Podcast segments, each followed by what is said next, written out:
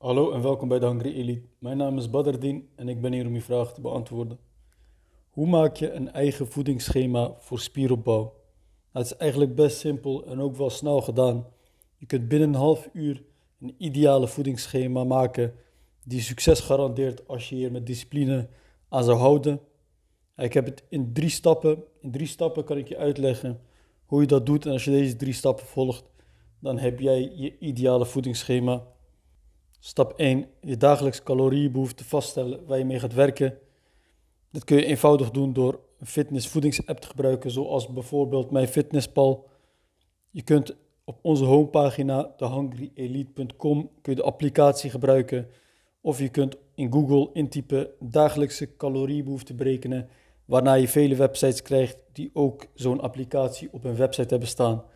Bij alle opties wordt gevraagd om vijf gegevens, dus je geslacht, leeftijd, lengte, gewicht en activiteitslevel. Als je dat hebt ingevuld, kun je klikken op berekenen, waarna je drie caloriebehoeftes krijgt te zien. één voor afvallen, één voor gewichtsbehoud en één voor aankomen. Aangezien we spiermassa willen aanmaken, kiezen wij voor de dagelijkse caloriebehoefte om aan te komen. Als voorbeeld voor deze video gebruiken we mijn dagelijkse caloriebehoefte.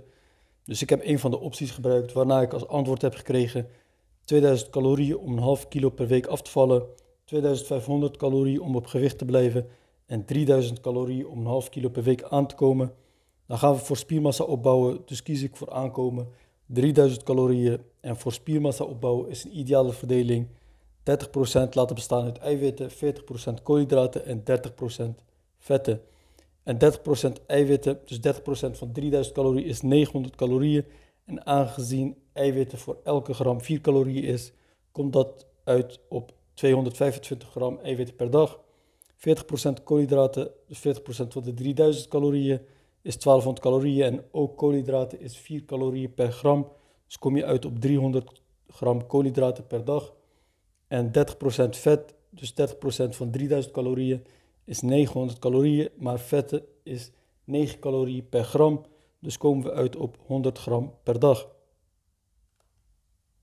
Dan gaan we naar stap 2 en bij stap 2 kiezen we per voedingsstof de producten uit. Dus om uiteindelijk op de 3000 calorieën te komen en ook de verdeling juist te hebben. Dus 30% eiwitten, 40% koolhydraten en 30% vetten.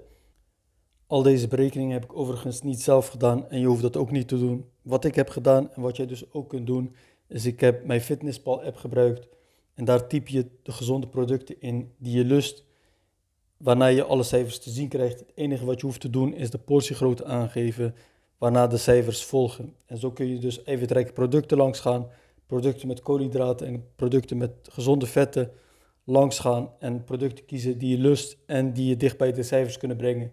Het hoeft natuurlijk niet tot de laatste grammetje te kloppen, maar als je dichtbij in de buurt zit, zal het hetzelfde effect en hetzelfde resultaat opleveren.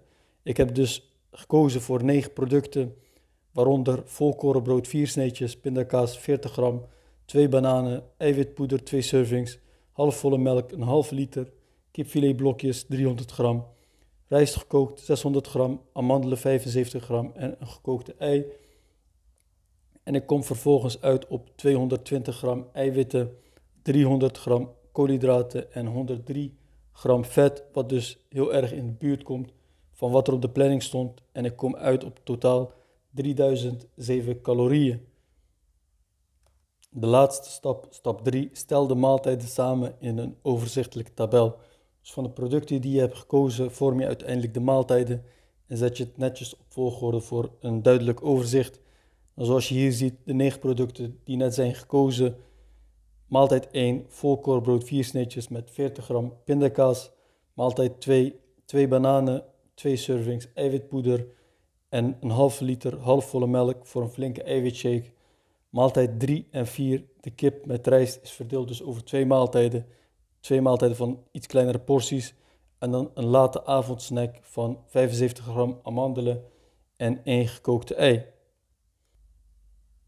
Nog een laatste mededeling. Naarmate je gewicht verandert, verandert ook je caloriebehoefte.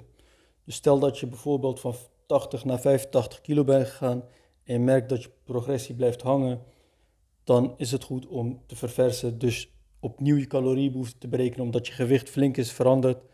En dan deze stappen opnieuw te volgen om een nieuw schema te maken. Maar ook als je behoefte hebt aan afwisseling, dus je wilt anders gaan eten, kun je deze drie stappen volgen om een nieuw voedingsschema voor spieropbouw te maken.